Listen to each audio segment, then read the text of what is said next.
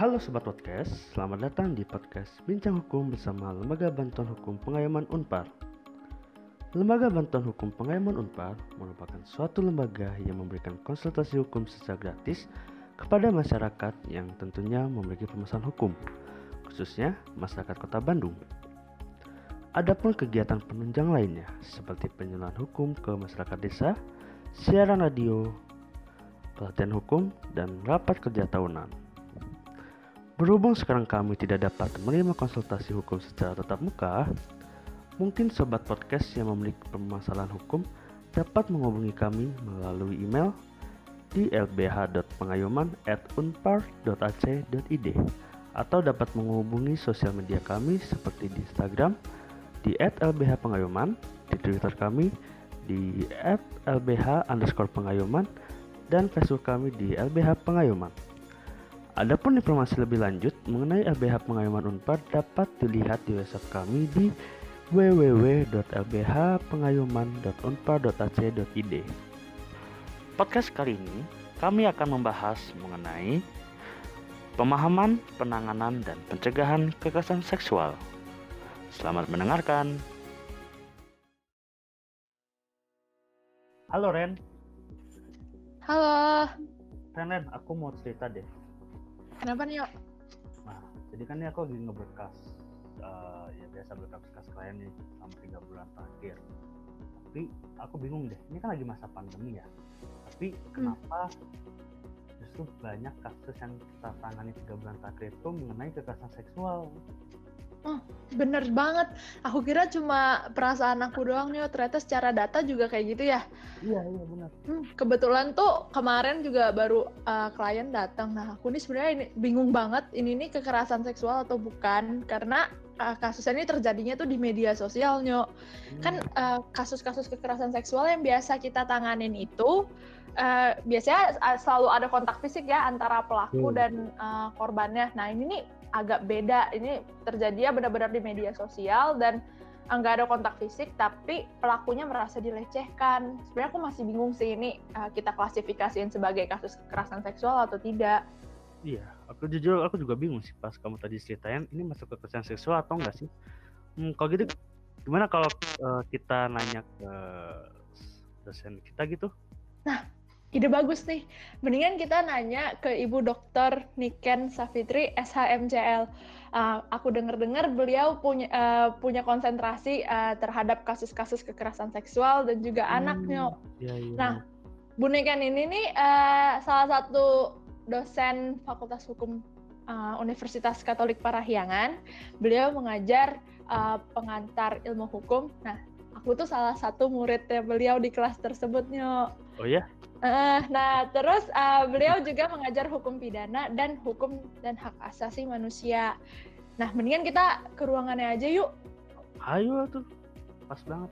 Ya, maskernya, masker jangan lupa. Oh siap, pastinya dong. Protokol kesehatan ya.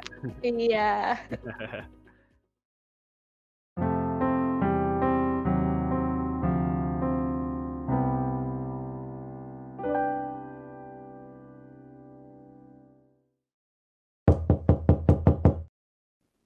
Misi Bu. Eh, eh, masuk, masuk, masuk. Ada apa nih? Antoni sama Renita ya? Iya betul Bu. Betul. Eh, kalian dari LBH kan? Betul Iya, banget Bu. betul. Iya Bu kita justru, Ayo, yuk, yuk. justru ini kita, Kita, mau tapi jaga jarak ya. Oh ya, jelas Bu. Jaga jarak. Kalian duduknya jauh-jauhan ya. Iya, Bu. Siap. Ya Bu. Oke, jadi- kenapa, kenapa, ada apa? Nah, maksud kedatangan kita kami ke sini tuh kita mau curhat eh kami mau curhat Bu. Hmm. Jadi eh, gimana? Kita lagi di masa pandemi ini justru LBH Pengaman Unpar itu sedang banyak menangani kasus-kasus terkait kekerasan seksual. Nah, mungkin salah satunya Hmm. Renita bisa tolong ceritakan. Nah, iya, Bu. Ah, bener banget. Aku uh, akhir-akhir ini banyak kasus kekerasan seksual yang datang ke LBH. Nah, salah satunya tuh baru uh, datang kemarin, Bu. Jadi uh, klien kami ini dia punya masalah sama mantan pacarnya, Bu. Hmm. Nah, jadi kronologinya gini, waktu si klien masih pacaran sama cowoknya, nah Hmm. uh, cowoknya ini nih pernah minta klien itu untuk me- mengirimkan foto ya maaf ya bu ya ini foto dia tanpa busana gitu bu foto porno gitu Hmm. Hmm, hmm, hmm. Nah, awalnya Terus? nih, nah awalnya nih kliennya nggak mau bu ngirim foto seperti itu, tapi cowoknya maksa bu, katanya kalau misalkan nggak dikirimkan nanti putus, diancem-ancem gitulah bu, segala macam. Nah Hmm. akhirnya uh, si klien ini mau bu ngirimin fotonya dengan terpaksa. Hmm. Nah singkat cerita ternyata hubungan mereka tuh nggak berjalan mulus bu, mereka putus. Nah yang Hmm. Nah, yang mengejutkan Bu setelah mereka putus, nah foto-foto porno tadi ini Bu, ini nih kesebar Bu di uh, media sosial bahkan kesebar di berbagai akun gitu. Jadi uh, di Hmm. beberapa akun tersebar foto dia, ya tentu ini meresahkan uh, klien kami. Bu. Iyalah, bikin malu ya. Mm-mm, dia merasa dilecehkan. Nah, sebenarnya uh, kami ini masih bingung sih Bu, ini termasuk kekerasan seksual atau bukan? Karena uh, kan biasanya kekerasan seksual itu kan uh, ada kontak fisik ya Bu ya. Nah, ini sama sekali sama sekali nggak ada kan Bu. Apa ini tuh termasuk kekerasan seksual atau sekedar pengancaman gitu Bu atau sekedar bullying gitu? Tapi eh, ada ada pengancaman nggak di balik itu? Misalnya Mm-mm. minta balikan lagi atau apa gitu dari si cowoknya? Nah, cowoknya tuh cuma ngancemnya tuh ya pada saat eh, ini Bu yang eh, kliennya eh, eh maksudnya cowoknya itu minta klien kami tuh ngirimin foto. Nah, kliennya nggak mau kan. Nah, itu diancam-ancamnya nanti kalau nggak dikirimin eh, aku putusin gitu-gitu Bu. Nah, si Hmm. klien ini kan cinta banget nih sama cowoknya dia nggak mau diputusin gitu Bu. Jadi ya Akhirnya gitu. putus juga tapi ya. Iya, akhirnya putus juga gitu Bu. Itu Oke, oke. ya. Kalian pernah dengar nggak yang namanya revenge porn? Apa itu Bu revenge porn? Revenge porn. Ya, jadi eh, ini sebenarnya ya rada-rada mirip dengan apa yang disebut dengan revenge porn itu gitu. Jadi kalau revenge porn itu sebetulnya eh, balas dendam porno gitu ya kalau bahasa Indonesianya gitu ya. Ini ini salah satu bentuk kekerasan seksual loh. Wah. Ya. Biasanya, biasanya revenge porn ini atau balas dendam porno ini eh, disertai dengan pemaksaan atau ancaman gitu biasanya ya.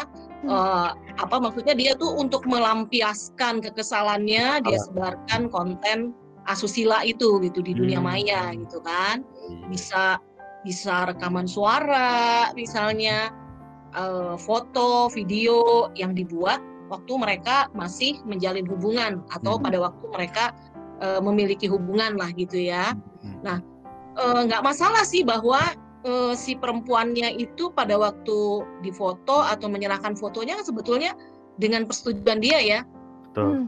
Atas Nah. kesadaran. atas kesadaran, atas persetujuan dia, sepengetahuan dia gitu. Tapi kan sebetulnya tadinya ini adalah niatnya untuk eh, dibagi buat mereka berdua aja Betul. gitu kan, tidak buat disebarkan kepada orang lain gitu. Nah, ini tetap aja walaupun si perempuannya itu memiliki persetujuan, pengetahuan, ini tetap aja namanya revenge porn itu dan ini masuk ke dalam salah satu bentuk dari kekerasan seksual. Hmm. Hanya saja eh, karena sekarang memang eh, kita apa ya eh, masaknya eranya itu era milenial ya. Iya, Jadi Bu. Eh, penyebarannya kalau dulu mungkin penyebarannya hanya lewat WhatsApp gitu ya. Kalau penyebaran seperti ini lewat WhatsApp atau apa. Kalau sekarang kan bisa lebih masif ya bisa Hmm. pakai media sosial misalnya bisa pakai Twitter bisa pakai eh, apa sih kalau kalian pakai apa ya pakai eh, Instagram. Facebook, Facebook. yang biasanya banyak tuh. Mm-mm. nah jadi sebetulnya eh, ini udah gabungan ya revenge porn-nya iya dan eh, kalian pernah dengar nggak yang namanya kekerasan berbasis gender online Nah, itu atau baru KBGO baru-baru marak sekarang ya Bu ya. Hmm, betul. Nah, itu memang eh, gini, dengan adanya pandemi memang kan eh, hubungan kita lebih banyak virtual ya, lebih Hmm. banyak virtual. Kita juga mungkin baca berita itu lebih banyak melalui media sosial, melalui me- media virtual. Nah, eh, ternyata kekerasan seksual itu tidak tidak berhenti ya, tidak turun gitu. Seperti yang tadi Antonio bilang ya, apa ini kekerasan seksual gitu, apa namanya bisa jadi eh, tidak fisik gitu. Sekarang berubah bentuk berubah bentuk menjadi kekerasan seksual berbasis atau kekerasan berbasis gender ya online gitu. Hmm. Banyak ya kasusnya kan banyak ya. Eh, selain daripada yang itu kasusnya bisa itu termasuk pelanggaran privasi ya, pelanggaran privasi juga Eh, merusak reputasi ya Hmm. kan? Itu sebetulnya ingin ingin merusak kredibilitas si perempuan ya. Hmm. Eh, atau bentuk-bentuk lain tuh ada kayak gini, menguntit apa? Stalking ya kalau kalian bahasanya ya. Hmm, Oke. Sekarang ya. Nah, stalking ya, stalking gitu, ngawasi, memantau. Eh, saya pernah baca tuh ya di Twitter ya, ada ya eh, perempuan itu di stalkingin sama akun yang berubah-ubah, tapi Betul. orangnya itu terus gitu, dan dia Hmm. selalu eh, dia tuh apa? Mengomentari gitu, selalu mengomentari, komentarnya komentar fisik gitu loh, komentar-komentar fisik. Nah itu ada juga yang kayak begitu loh, account. ternyata gitu. Mm, pakai gimana bang? Iya, heeh. mungkin dia pakai fake account ya, Betul. karena eh, begitu itu diblok, dia bilang ya, dia diblok, lalu muncul lagi gitu, akun lain gitu, akun lain dan tapi isinya sama. Eh, dan biasanya, bukan biasanya, hampir keseluruhan yang seperti ini dialami oleh perempuan loh, Hmm, ya nggak Ren? hmm, benar. Kalau eh, Antonio pernah nggak dengar ada laki yang mengalami gini? Sejauh pengalaman saya sih, saya belum pernah melihat ya, saya belum pernah membaca juga beritanya atau terkait hal seperti itu gitu. Tapi kalau Ah, saya- perempuan mah hampir di media sosial tuh pasti ada aja gitu. ya betul, entah dia itu selebriti atau dia orang biasa ya. Tuh. Terkadang eh, kalian pernah dengar yang namanya body shaming kan? Ya, Ah, Ya, itu udah jadi ah. makanan sehari-hari netizen, Bu. Nah, nah itu dia kan eh, netizen itu suka julid gitu ya. Julidnya tuh eh, bisa body shaming gitu. Eh, ya, nah seperti itu. Nah, jadi sebetulnya kekerasan berbasis online yang tadi termasuk revenge porn itu ya juga eh, mencakup banyak hal. Bisa ancaman, kekerasan, intimidasi, pelecehan yang tadi ya, pelecehan melalui dunia maya atau ini loh, mengubah gambar. hmm, Ah, iya lagi booming juga lagi juga ini. ya sekarang ya ada Iya. video siapa mukanya tuh diganti Ganti. gitu Eh, apa namanya sekarang tuh orang tuh canggih ya bikin ganti-ganti iya, apa muka gitu tuh jadi kelihatan eh, mulus. Maksudnya kelihatan eh, bukan penggantian gitu kayak Mm-mm. dia benar gitu Mm-mm. misalnya kayak gitu. Nah ini kekerasan seksual. Sebetulnya kekerasan seksual itu masuk di dalam lingkup kekerasan berbasis gender. Tapi lebih spesifik lagi ini adalah kekerasan seksual berbasis gender melalui online gitu. Hmm. melalui online. Berarti berarti pengertian kekerasan seksual ini juga udah bergeser ya Bu ya dari yang uh, pengertian yang dulu ke yang sekarang gitu apalagi sekarang kan dunianya juga udah berubah. Nah, uh, kira-kira Bu uh, kalau yang dimaksud kekerasan seksual di era sekarang nih sebenarnya apa sih Bu? Ah, nah gini, eh, apa namanya? Kalau saya ngelihatnya ya eh, definisi atau pengertian yang lebih komprehensif gitu ya, yang sedikit lebih komprehensif itu eh, kekerasan seksual itu saya kutip dari rancangan undang-undang penghapusan kekerasan seksual. Hmm. Ya, itu kenapa? Karena eh, pengertian kekerasan seksualnya tuh apa eh, cukup mencakup keseluruhan ya. Ini saya bacakan ya. Ya boleh Bu. Kekerasan seksual adalah setiap perbuatan merendahkan, menghina, menyerang, dan atau tindakan lainnya terhadap tubuh yang terkait dengan nafsu perkelaminan, hasrat seksual seseorang, dan atau fungsi reproduksi secara paksa, bertentangan dengan kehendak seseorang, dan atau tindakan lain yang menyebabkan seseorang itu tidak mampu memberikan persetujuan dalam keadaan bebas.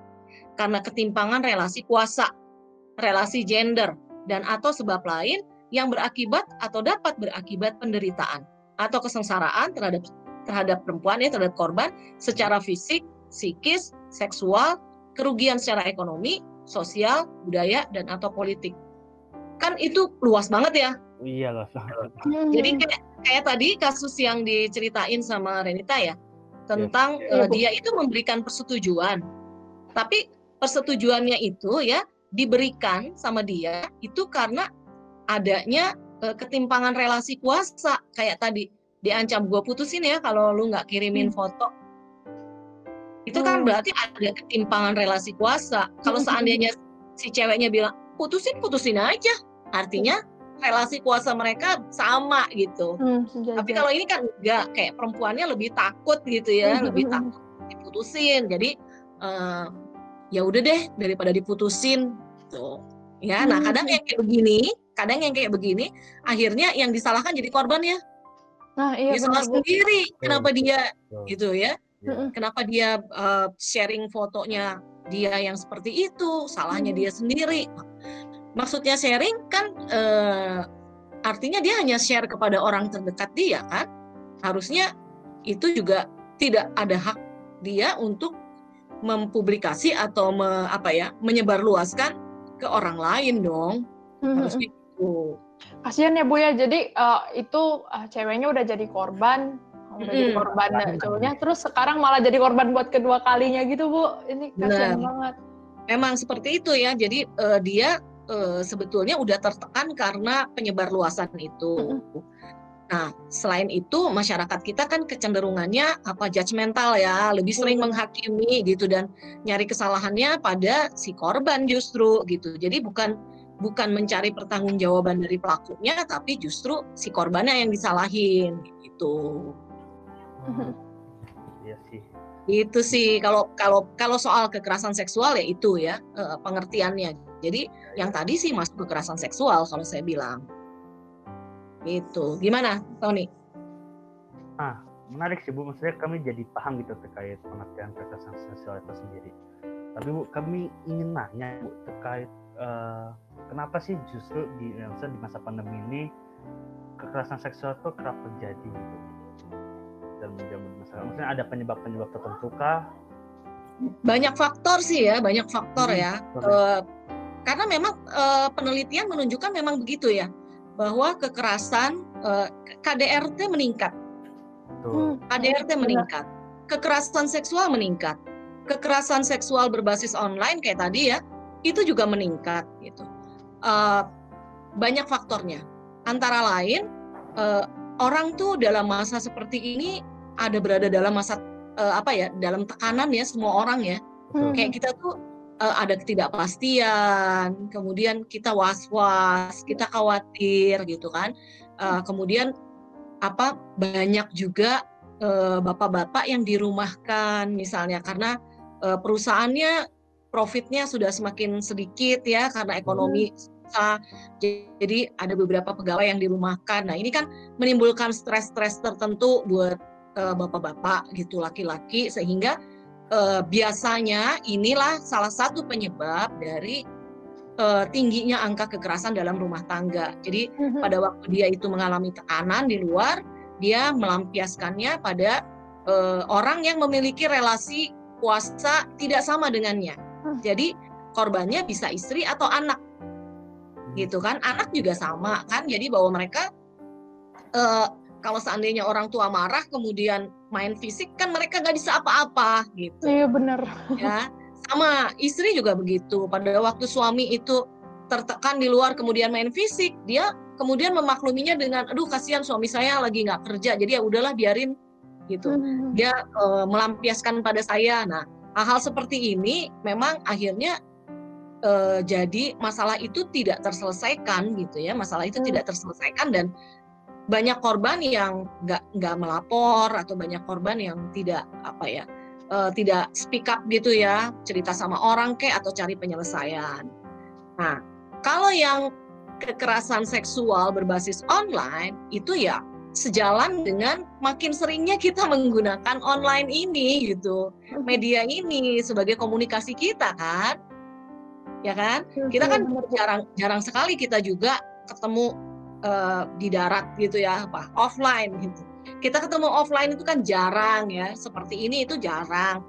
Eh, kita lebih banyak ketemu tuh ya apa per per pakai video call misalnya pakai zoom pakai Google Meet atau apa gitu ya dan karena orang itu eh, lebih banyak menggunakan media online maka penyalurannya itu penyaluran pemikiran, pendapat atau apa pun itu juga biasanya melalui online.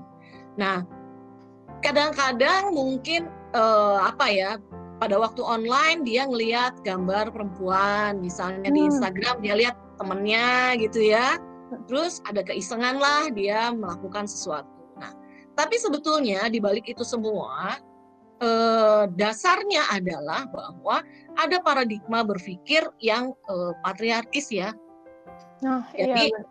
eh, patriarkis ini tidak selalu melekat pada laki-laki loh hmm patriarkis ini kadang juga melekat pada perempuan. Wah, tidak Kenapa? Eh, suka nggak lihat perempuan itu dia dia juga ngejulitin perempuan lain gitu loh. Ah, iya benar bu.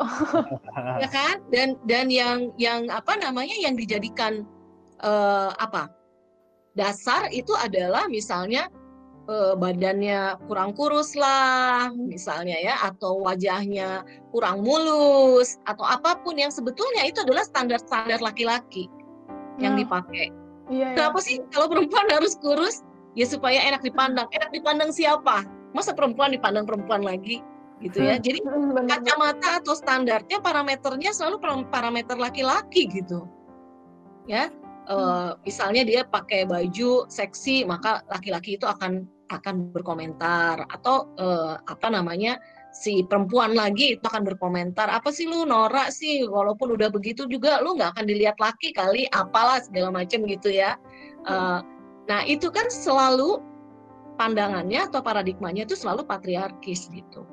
Nah hanya saja sekarang berubah bentuk. Kalau dulu patriarkis itu diwujudkan direalisasikan dalam apa eh, relasi-relasi kita di offline itu ya. Misalnya kalau di offline itu apa? Catcalling.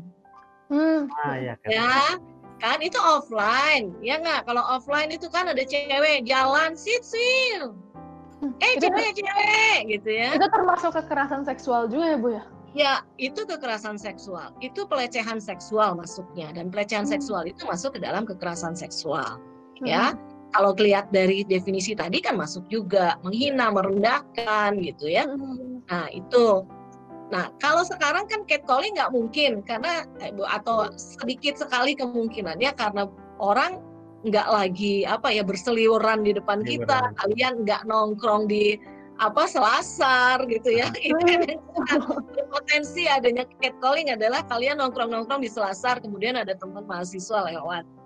Nah, kalau sekarang nongkrongnya kalian di media.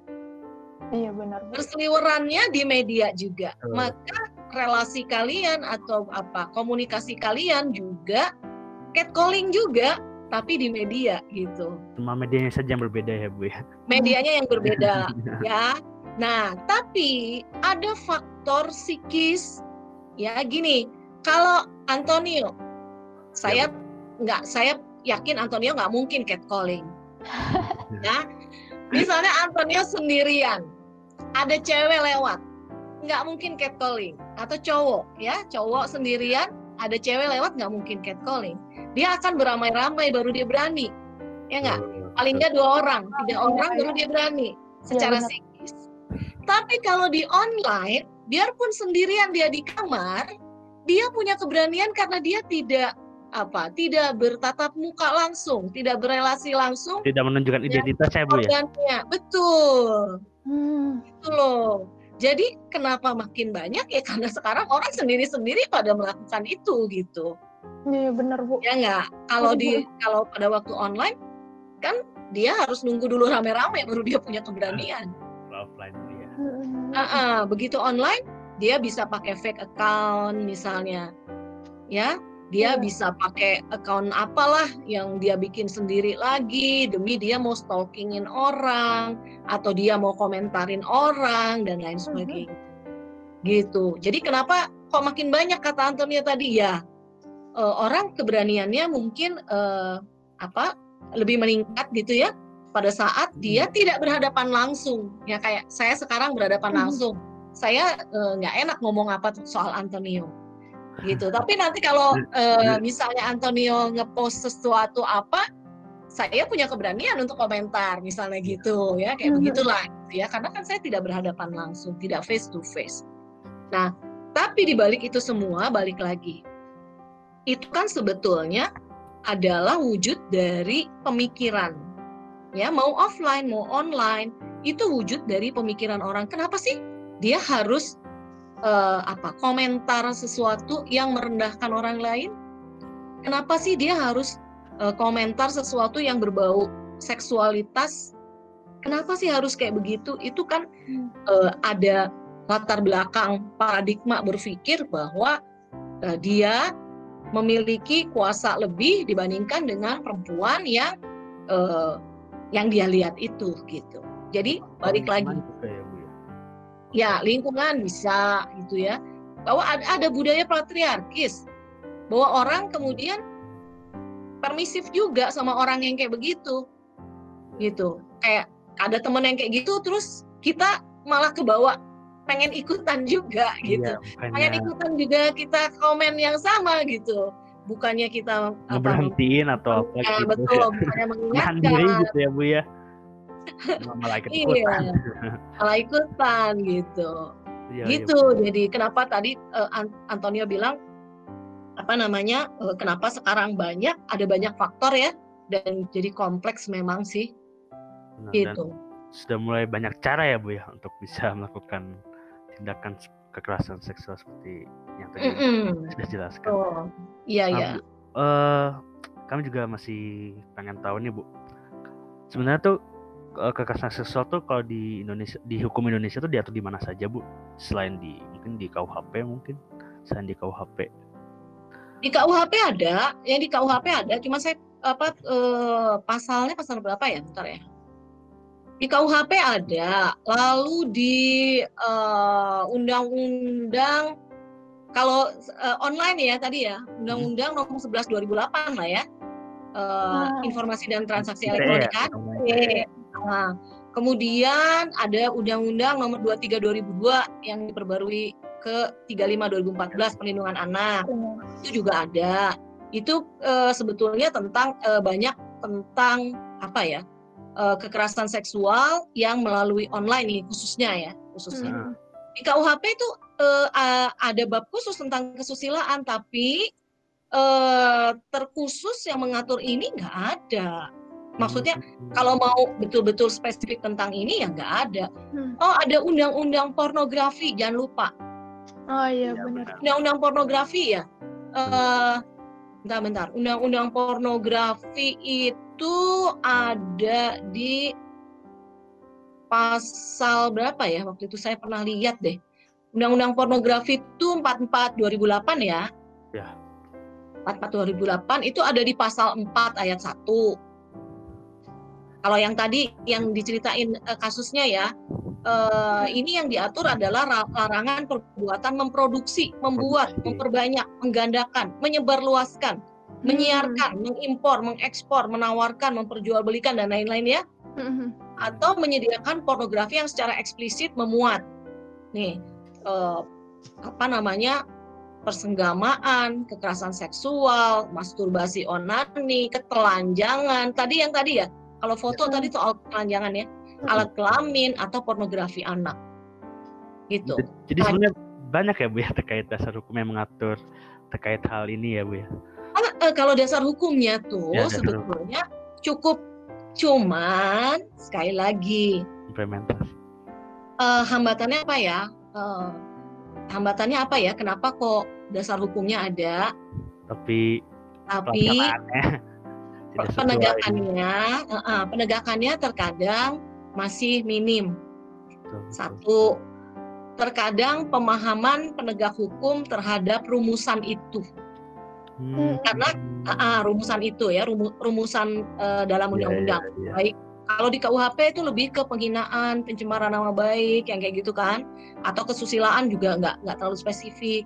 Undang-undang pornografi, undang-undang ITE itu uh, apa pemahamannya uh, yang masih kurang masih satu kurang. sehingga mungkin penegak hukumnya itu nggak ngulik gitulah istilahnya ya. Hmm. dia nggak nyari ya, ya. mana ya yang paling cocok ya yang mana ya gitu ya. Atau hmm. interpretasinya penafsirannya. Satu. Yang kedua ini kan online ya. Jadi kadang uh, kalau di dalam penghinaan atau pencemaran nama baik kan itu delik aduan ya. Oh, iya benar. kalau di KUHP benar. jadi kalau kalau korbannya tidak membuat pengaduan, laporan pengaduan. Uh-uh, nggak akan ada penuntutan, nggak akan di, diproses, toh? iya Gitu. Dan dan ini nggak kayak misalnya nggak kayak pencurian yang bisa tertangkap tangan. Kalau yang kayak begini kan gimana ya istilah tertangkap tangannya itu sulit ya gitu, Iya bu. ya kan? Nah, jadi- juga sulit Pembuktiannya sulit satu harus orang yang benar-benar tahu IT lagi. Betul. ya kan bahwa dia yang menyebarkan bahwa dia yang memiliki konten itu gitu ya itu eh, sulit gitu yang kedua yaitu tadi laporannya eh, sangat minim kenapa laporan minim ya tadi balik lagi si korban ini udah malu dihakimi gitu kan mana lagi nanti dia di penegak hukumnya pasti akan ngomong eh, ya kenapa kamu mau ngasih? Nah, udah begitu kan udah stuck Iya, dong udah. dia. Iya nggak? Dia Mau merasa ngomong juga, aduh gitu ya bu ya. iya, ya udah deh. Ya udah kalau gitu nggak jadi deh Pak, gitu kan? Mm. Habis belum apa-apa udah, iya. Siapa suruh kamu foto-foto kayak begitu? Ini apa maksudnya? Bagaimana penegak hukum eh, melakukan treatment juga atau pemeriksaannya ya? Seperti apa? Itu juga harus punya perspektif terhadap korban.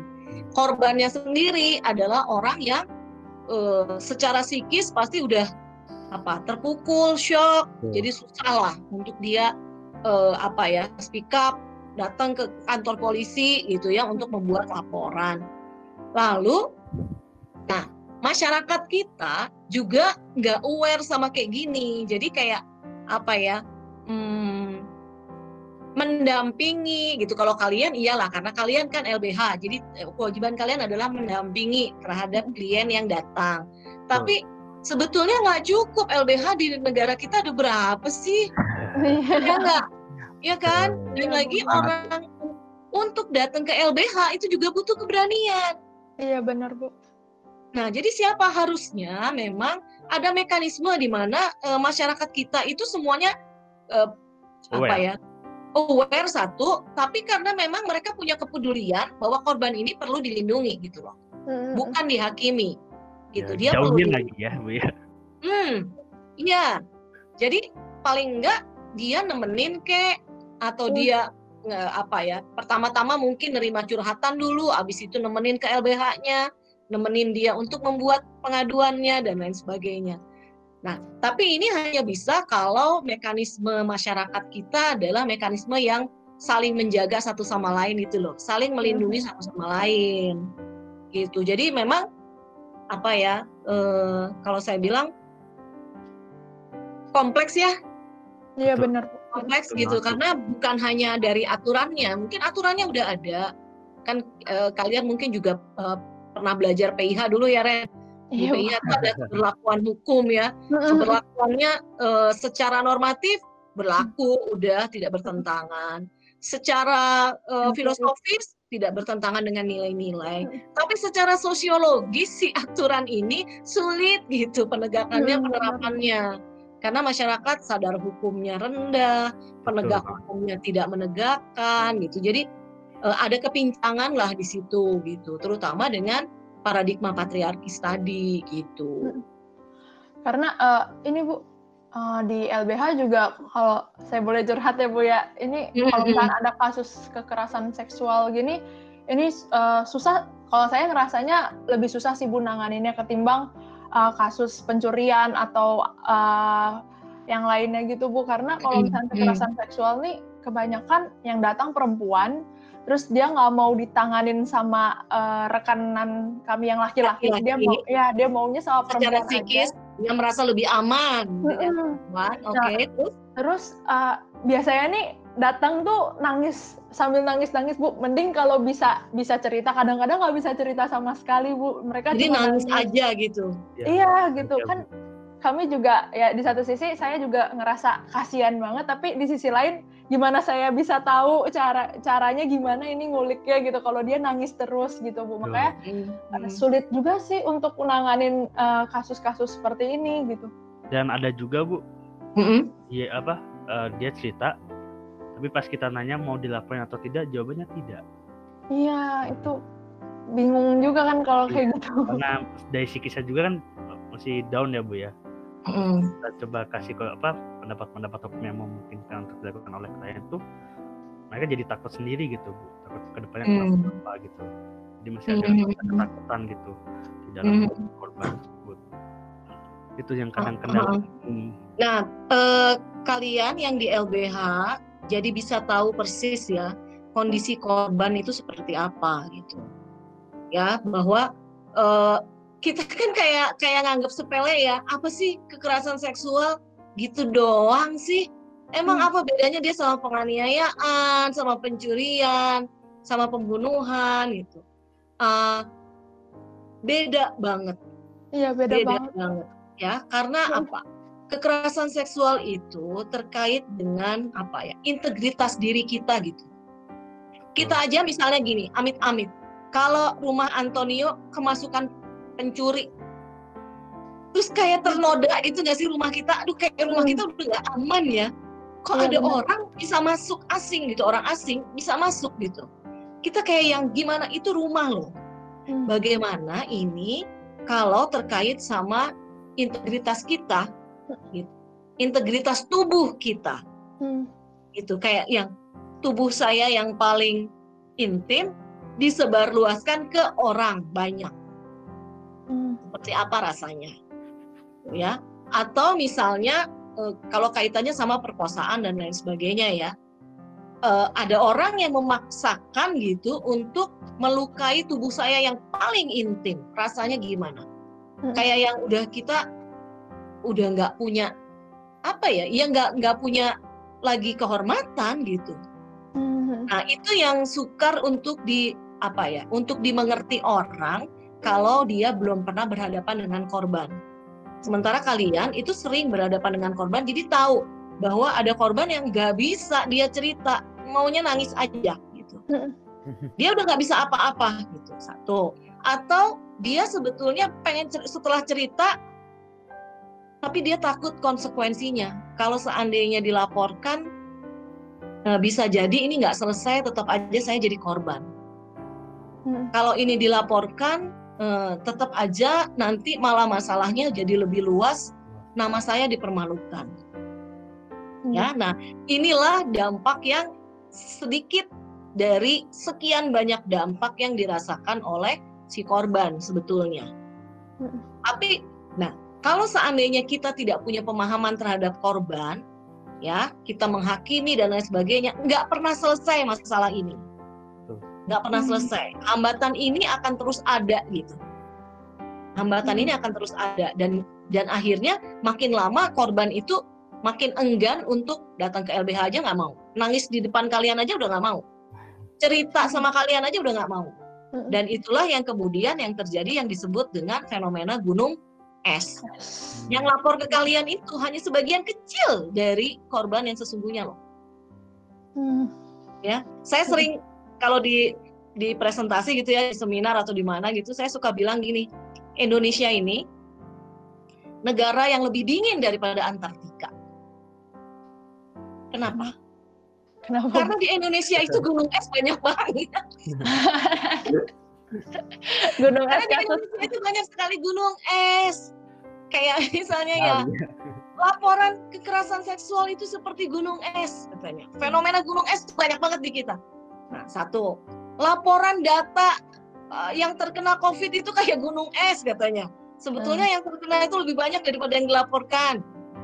Laporan yang meninggal karena COVID itu gunung es. Laporan apa ya? uh, pe- pe- pelaku tipikor itu sebetulnya seperti gunung es. Saya pikir ini di Indonesia banyak banget gunung es ya, lebih dingin dari Antartika. Ya di Antartika ada gunung es tapi lebih dinginan di Indonesia kan lebih banyak. Ini joke aja, ini joke aja intermezzo eh, tadi yang mengatakan bahwa kalau korban itu tidak kita dampingi dan tidak kita pahami dampaknya, efek psikologisnya, faktor yang menghalangi dia untuk eh, mendapatkan penyelesaian kasusnya, maka dia akan menarik diri dan eh, dia tidak akan pernah melapor sama sekali. Sehingga kita bahkan hmm, apa namanya nggak tahu bahwa ada korban. Sehingga kita tahunya nggak ada kok kekerasan seksual nggak ada. Hmm. Ya, sama seperti kalian loh. Kita kan sedang melakukan survei kan, ngomong-ngomong. Iya. di Unpar ya. Iya. Nah, itu surveinya sudah berakhir kemarin di pertengahan Oktober atau akhir Oktober saya lupa. Ada 370-an uh, responden yang yang merespon survei itu dan baru ketahuan ternyata di Unpar. Nanti deh hasilnya ya. Nanti akan di launching hasilnya ya, tapi baru, baru ketahuan bahwa ada banyak hal yang tidak dilaporkan. Antara lain Hmm. karena lembaganya nggak ada, unit yang tempat lapor nggak ada, mekanismenya nggak ada, atau si Hmm. korban sudah skeptis dengan ah dilaporin juga sama aja, Nah. atau gimana dilaporin? Saya kan mahasiswa, ntar kalau ada apa-apa dengan saya gimana? Kalau saya jadi nggak lulus gimana? Ya, atau sudah dilaporkan tapi penyelesaiannya tidak memuaskan menurut dia. Si pelaku masih ada di situ. Jadi kan dia takut dong, Mm-mm. gitu. Si korban takut. Nah, itu sebagian dari apa hasil-hasil eh, survei yang kita waktu itu sudah lakukan, walaupun kita belum apa buat analisanya secara eh, final ya, tapi Mhm. kurang lebih baru ketahuan dari survei itu karena dari survei kan eh, mungkin dia lebih berani untuk mengungkapkan gitu ya Iya, bahwa ternyata eh, tidak seperti yang orang duga. Ternyata ada banyak Mm-mm. itu. Itu pun baru 371 loh. Sebagian besarnya belum mengisi atau tidak mau mengisi atau takut mengisi. Ada banyak alternatif Mm. option ya. Mm-mm. Gitu. Berarti dia udah uh, kita mau bahas lanjut lagi Bu. Saya jadi penasaran tentang Ya ya ya. kekerasan kekerasan seksual di lingkungan pendidikan gitu Bu. Berarti kan Mm-mm. akhir akhir akhir-akhir ini kan semakin marak diberitain ya Bu ya. Saya dengar Mm. udah ada banyak banget cerita tentang kekerasan seksual uh, di lingkungan pendidikan gitu tuh. Mm. Nah, uh, tadi kan Ibu sempat cerita bahwa ya nggak ada yang membuat ini makin apa ya nggak nggak ke keungkap itu karena nggak ada mekanismenya, nggak ada lembaganya gitu. Nah, akhir-akhir ini juga udah ada beberapa universitas yang membuat lembaga gitu, se- sejenis lembaga guna menyelesaikan kasus-kasus ke- kekerasan seksual itu di luar Hmm. uh, jalur hukum. Nah, kalau menurut Bu Niken, uh, diperlukan nggak sih Bu pembentukan lembaga-lembaga seperti itu? Eh, setahu saya, setahu saya eh, untuk PTN itu sudah ada kerjasama dan sudah ada aturan ya. Kalau untuk Hmm. setiap PTN harus ada unit khusus yang menangani hal itu. Hmm. Tapi kan eh, kita eh, lebih banyak PTS-nya toh, dan itu eh, nggak bisa dikatakan bahwa itu hanya terjadi di PTN ya. Di Iya. PTS pun banyak terjadi gitu. Nah, jadi harusnya di setiap unit pendidikan, setiap artinya di setiap jenjang ya, bisa SMP, SD, SMP, SMA, perguruan tinggi harus punya unit khusus untuk itu. Tadi kan kita udah tahu bahwa korban itu eh, apa ya eh, kondisinya psikisnya tidak menguntungkan buat dia melakukan laporan. Apalagi kalau unitnya nggak ada, lah dia mau lapor ke mana? Hmm. Tapi selain dari unitnya yang perlu ada, unit khusus yang perlu ada, itu harus ada SOP kayak mekanismenya gitu loh. Hmm. Kayak kayak apa? Hukum acaranya. Hmm. Hukum acaranya gitu. Kayak misalnya kalau terjadi seperti ini dia lapor ke mana dulu. Kalau seandainya di sini tidak mendapatkan hasil yang memuaskan dia ke mana? Lalu ke mana? Lalu ke mana gitu. Lalu kemudian eh, pemberian sanksinya juga seperti apa? Ada tingkatannya, ada gradasi dan lain sebagainya lah. Nah ini kan hukum acaranya harus ada. Jadi mekanisme SOP hukum acara dan unitnya harus ada Itu secara ya. psikis, mm-mm, secara psikis kalau kita masuk ke dalam suatu institusi pendidikan, perempuan terutama, karena perempuan yang banyak jadi korban, begitu melihat ada unit itu kita langsung merasa aman dong, Iya benar. ya? Mm-mm. Misalnya masuk ke Unpar, eh di Unpar ada unit yang namanya help center misalnya, ya help center. Nah, ini bisa eh, apa namanya menaungi kalau ada laporan-laporan kekerasan seksual atau laporan bullying. Kalau bullying Hmm. itu nggak harus laki-laki perempuan perempuan laki-laki ya, bisa cross, bisa sesama ya, atau perlakuan diskriminasi. Perlakuan diskriminasi ini juga bisa macam-macam kan? Bisa dosen melakukan diskriminasi, bisa tenaga pendidikan, bisa kalian cutting misalnya dengan uh, juniornya dan lain sebagainya. Jadi help center ini bisa menjadi uh, tempat yang uh, one stop service gitu untuk semua hal-hal seperti itu gitu. Nah, ini harus ada berita acara susunan apa? Prosedurnya, hukum acaranya kayak apa gitu. Termasuk sih kekerasan seksual ini. Jadi kita merasa aman begitu masuk suatu institusi pendidikan, kita dijamin gitu loh. Dijamin hmm. dari bullying, dijamin dari diskriminasi, dijamin dari kekerasan seksual yang datang dari mana pun. Karena kalau di pendidikan sama, relasi kuasa itu yang paling menjadi penyebabnya. Maka kekerasan seksual itu terjadinya antara cutting ke bawah ke uh, anak tingkat bawah.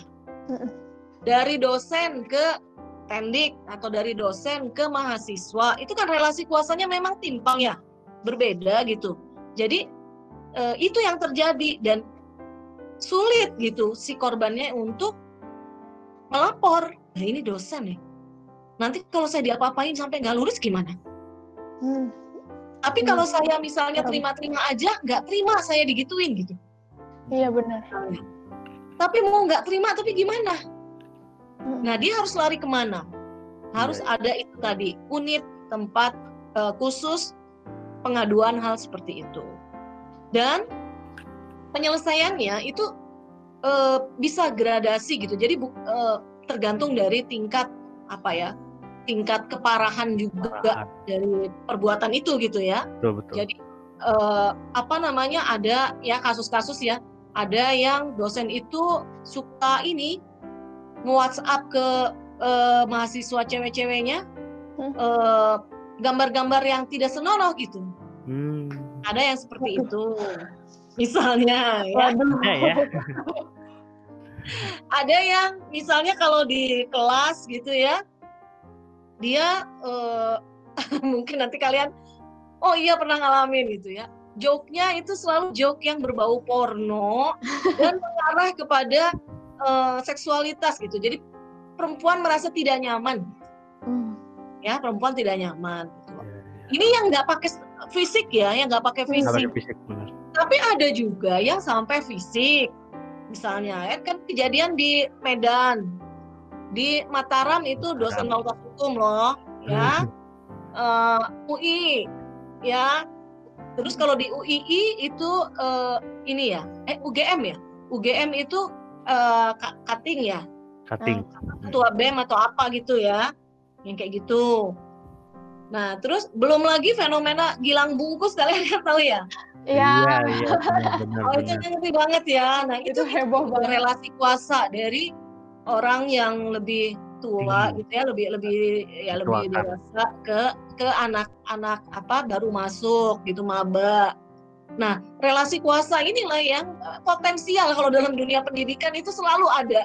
Relasi kuasanya itu selalu ada. Maka menurut saya di dunia pendidikan sangat penting, urgent banget harus ada itu. Untuk jaminan bahwa kita semua akan dilindungi. Itu Ren, kalau saya pendapat saya. Nah, Bu. Tadi kan Ibu bilang bahwa sebenarnya kalau ya di salah satu lembaga institusi pendidikan harus punya satu unit nih bu yang hmm. mewadahi uh, kalau misalnya ada mau lapor ke mana saja apa ke mana mm. dan ada SOP-nya gitu nah mm. tapi sejauh mana bu lembaga tersebut tuh bekerja gitu atau unit itu bekerja karena saya tuh uh, baca-baca nih bu ada satu organisasi atau lembaga yang sudah concern sama korban kekerasan seksual baik itu di, hmm. di apa di lingkungan pendidikan maupun di lingkungan pendidikan di mana hmm. lembaga atau organisasi tersebut ini memberikan sanksi sosial kepada pelaku kekerasan seksual gitu jadi ya, hmm. ya, ya misalnya ada yang ngirim-ngirim gambar yang tidak senonoh nah si pelakunya ini dilaporkan ke unit apa ke organisasi ini nah nanti hmm. si organ si organisasi ini akan mengirimkan list si pelaku mm -hmm. kekerasan seksualnya ini ke perusahaan-perusahaan dengan maksud supaya si pelaku ini tidak dapat bekerja di tempat tersebut gitu bu. Mm. Bagaimana terkait fenomena ini gitu. Ya, uh, itu menurut saya bagian dari keputusasaan karena hukum tidak bekerja dengan baik. Benar nggak? Benar. Jadi uh, saluran-saluran melalui hukum tuh kayak mentok gitu loh. Jadi kalau sal saluran hukum mentok, dia cari saluran lain. Dia mencoba untuk memberikan sanksi lain selain sanksi hukum. Gitu. Sanksi lainnya itu adalah pemutusan akses dia ke uh, pekerjaan, hanya, ya kan? Nah, kita sebetulnya ya kita orang hukum loh, jadi kita harus refleksi gitu ya, merefleksikan itu uh, dengan kritik apa yang salah ya dengan ini gitu ya. Itu mekanisme itu nggak salah, tapi mekanisme itu akhirnya uh, akan bertabrakan dengan hak orang untuk mendapatkan pekerjaan, ya kan, hak orang untuk untuk mendapatkan nafkah dan lain sebagainya gitu. Nah, dia mungkin bisa melakukan uh, legalisasi dengan menyatakan ya itu kan sama aja dengan orang yang dikenai hukuman kemudian dia harus ditahan. Kan sama. Tapi kan gini hukum itu kan justifikasinya jelas hmm ya kan kalau hukum justifikasinya jelas kita membuat hukum itu juga melalui suatu proses dan yang mengeluarkan adalah badan legislasi yang secara formal yuridis juga kita akui gitu secara konstitusional juga formal resmi ada. Nah, tapi kalau ini kan enggak gitu. Gitu ya.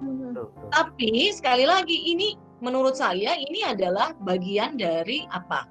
Hmm, opsi-opsi yang dibuat manakala dia merasa uh, penyelesaian secara yuridis itu tidak akan memuaskan.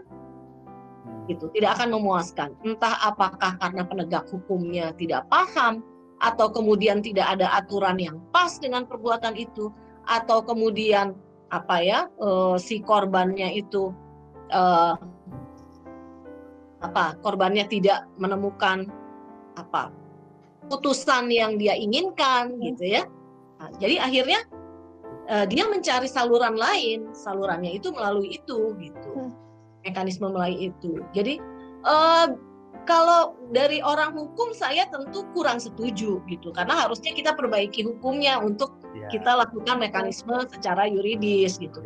Tapi uh, kalau kita lihat juga betapa korban itu sangat apa ya sangat e, berdampak terhadap korban luar biasa, maka cara ini adalah salah satu alternatif yang bisa diambil untuk meminimalisir pelaku gitu. Tapi ya gini ya, kita kalau di Fakultas Hukum kan belajar sanksi seberat apa pun itu akan kembali lagi berbentrokan dengan free will-nya manusia gitu. Hmm. Ya, sanksi seberat apa pun kalau manusianya berkehendak untuk melakukan itu tetap melakukan gitu. Iya betul. Sama dengan yang tadi. Ya, sanksi seperti itu mungkin akan memberikan sanksi pada si pelaku ini, tapi apakah dia akan berhasil menghentikan orang lain untuk melakukan hal yang sama? Hmm. Nggak ada jaminannya. Hmm.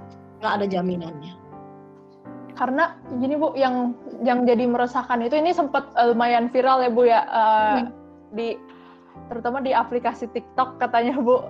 Nah itu lumayan viral gitu bu. Katanya justru uh, lembaga ini ngelaporin uh, pelaku yang katanya dalam tanda kutip itu pelaku itu ke perusahaan-perusahaan itu tanpa si pelaku ini tahu bu bahwa uh, dia tuh telah ya diberikan sanksi semacam itu gitu karena ini kan uh, bebentrokan ya Bu ya sama jalan pikir hukum. Kalau jalan pikir hukum kan tersangka gitu itu kan berhak untuk tahu apa yang terjadi sama dia, dia didakwa pasal apa, dia dituduh ya, dan ada presumption of innocent, jangan iya, salah ya kan? Iya benar Bu. Ya. Nah ini kemudian yang yang meresahkan gitu Bu masyarakat tuh pada ya ibaratnya kayak ngomel-ngomel gitulah Bu ke lembaga hmm, itu. Valid, gitu. Validasi pelakunya dia benar-benar melakukan kekerasan seksual itu apa gitu. Mm -mm. Kan oh jadi ya. ya kasihan juga bagi korban apa pelaku pelaku yang sebenarnya tidak benar-benar melakukannya gitu loh Tapi ya dia, jadi batasan itu. bahwa dia pelaku atau bukan itu kan sebetulnya yang membuat batasan dia pelaku atau bukan kan adalah hukum ah.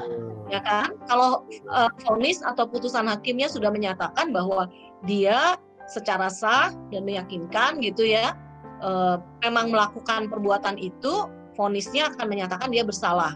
Kalau sudah berkekuatan hukum tetap, baru kita bisa katakan dia adalah uh, terpidananya gitu atau pelakunya gitu. Kalau sebelumnya kan kita anggap sebagai tersangka ya. Gitu.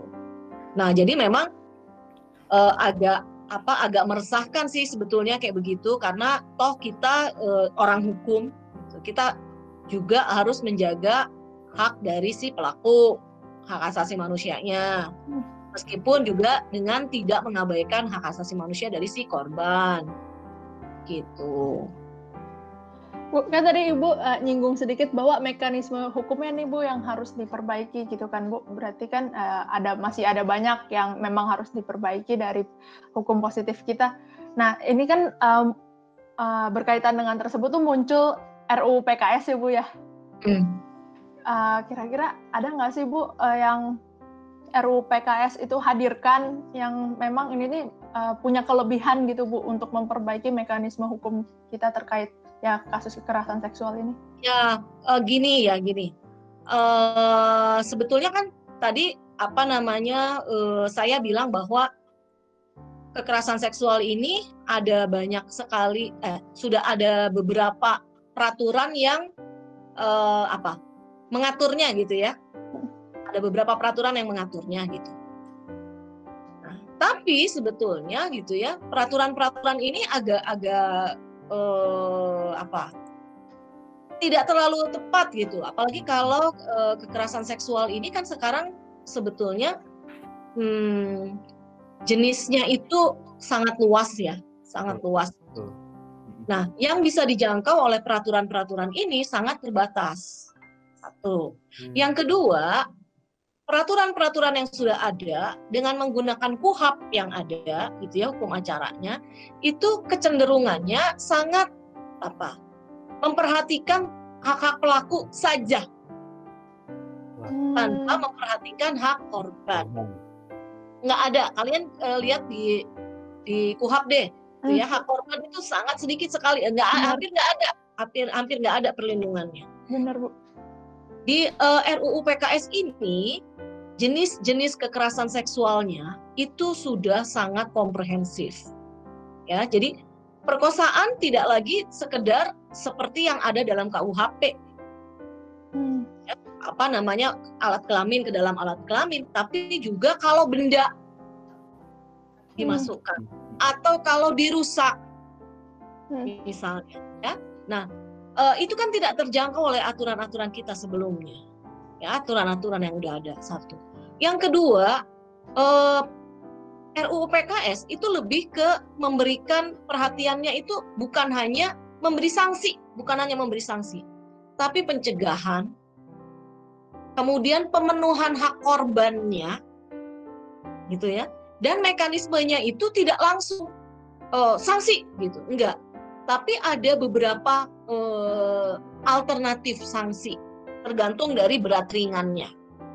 Nah, itu kan yang belum dimiliki oleh aturan-aturan kita sebelumnya gitu.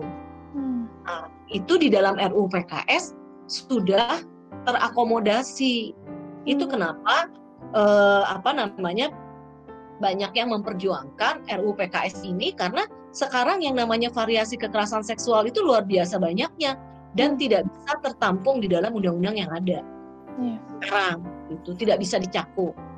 Selain itu eh, apa eh, tindakan-tindakan yang diambil itu kalau kalau peraturan perundangan yang ada sekarang ya pokoknya diberi sanksi. Sementara kalau di RUU PKS ada pemulihan gitu ya, ada perlindungan terhadap si korbannya. Yang itu yang belum ada di eh, aturan-aturan uh, yang lain. Hmm. Ada tindakan-tindakan yang lain selain pemberian sanksi. Hmm. Gitu. Jadi pencegahan bahkan ya. Jadi eh, peraturan itu bukan hanya sekedar menjatuhkan sanksi apabila perbuatannya sudah dilakukan, tapi juga memberikan pencegahan tertentu.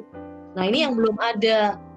Itu. Karena itulah maka penting buat kita sebetulnya urgent ya bahwa RUU PKS ini uh, harus segera diberlakukan. Hmm. Itu. Bu balik lagi ke lembaga pendidikan dan fenomena kekerasan seksual. Boleh, boleh.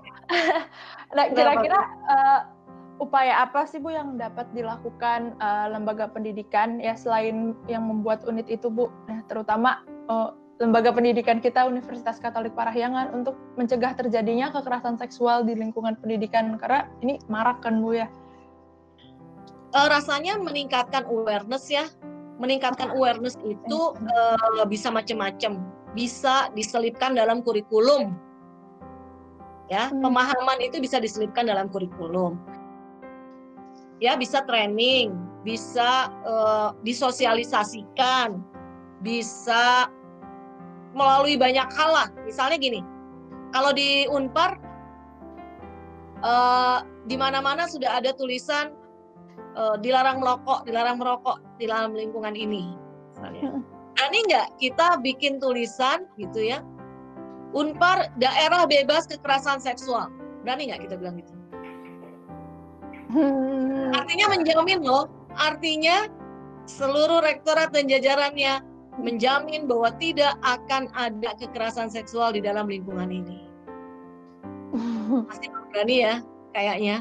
Karena uh, ini juga sesuatu yang sangat ekstrim untuk bisa dikatakan seperti itu. Tapi itu adalah upaya pencegahan. Upaya pencegahan ya, di samping uh, hal-hal lain yang sebetulnya bisa lah uh, diatur. Kayak misalnya mekanisme jadi Parno sih me misalnya mekanisme uh, apa namanya bimbingan antara dosen dengan mahasiswi itu uh, tidak boleh di dalam ruangan. Harus di dalam ruangan yang terbuka yang transparan bisa dilihat sama orang. Hmm. lalu uh, tidak boleh ada pertemuan di luar ya Misalnya dosennya nyuruh, kamu datang ke kafe ini ya, ambil nih tugas kamu, misalnya. Hmm. Itu nggak boleh, misalnya kayak begitu. Maka eh, itu salah satu bentuk-bentuk pencegahan untuk adanya seperti itu. Sama seperti nggak boleh ada siap swasta gitu, apa panitia swasta kalau kalian itu. Hmm.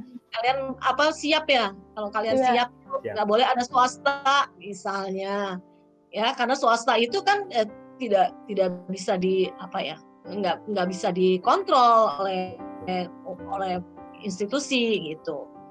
Tidak boleh dilakukan uh, apa kegiatan di luar kampus kecuali ada dalam pengawasan dari uh, pimpinan misalnya. Ini untuk pencegahan pencegahan tapi sebetulnya ini kan bukan pencegahan terhadap kekerasan seksual saja tapi juga bullying hmm. apa ya uh, intimidasi diskriminasi kekerasan dan lain-lain Wah, kan nggak kerasa ya kita ngobrol udah sejam nih Bu. oh, kita kita ngobrol ini ya. Jadi Bu, uh, ya, kita juga banyak ya, banyak belajar ya dari Bu hmm. Niken bahwa kita sekarang sudah paham, eh kami sekarang sudah paham terkait pengertian kekerasan seksual, terus jenis-jenis kekerasan seksual yang berkembang. makin ya, yang semakin ke sini tuh makin berkembang tentunya dan hmm. berbagai macamnya tuh yang justru membuat kami sedikit bingung ini jadi masuk ke kekerasan seksual atau masuk ke mana gitu nah, mm-hmm. mungkin dari ibu ada yang ingin disampaikan gitu apa ya kalau saya sih mengajak para mahasiswa kan kalian itu kan uh, apa ya kreatif ya kreatif inovatif Ma mari kita ciptakan mekanisme dari kita sendiri gitu ya hmm. untuk bisa mencegah hal ini terjadi di lingkungan yang terdekat aja dulu kalau masing-masing dari kita uh, membuat mekanisme penjagaan itu ya mencegah mendampingi melindungi maka saya yakin uh, apa ya akan terbentuk gitu mekanisme di kalangan kita bahwa kita bisa mencegah hal itu terjadi. Kita mengurangi meminimalisir hal itu terjadi. Atau kita membantu korban yang sudah keburu jadi korban. Saya kira hmm. mahasiswa punya banyak ide lah untuk itu. Jadi dimulai dari diri sendiri dulu ya dan lingkungan ya, lingkungan terdekat aja dulu. Ya lingkungan terdekat. Hmm, oke hmm, oke okay. baik uh, terima kasih banyak ibu atas waktu kita udah mengganggu ibu nih satu jam lebih. Nggak apa-apa iya, nggak apa-apa. Nggak apa-apa mudah-mudahan sukses ya. Iya, kalian bu. semuanya dengan LBH uh, iya bu. Terima kasih, kasih banyak bu. Oke. Okay.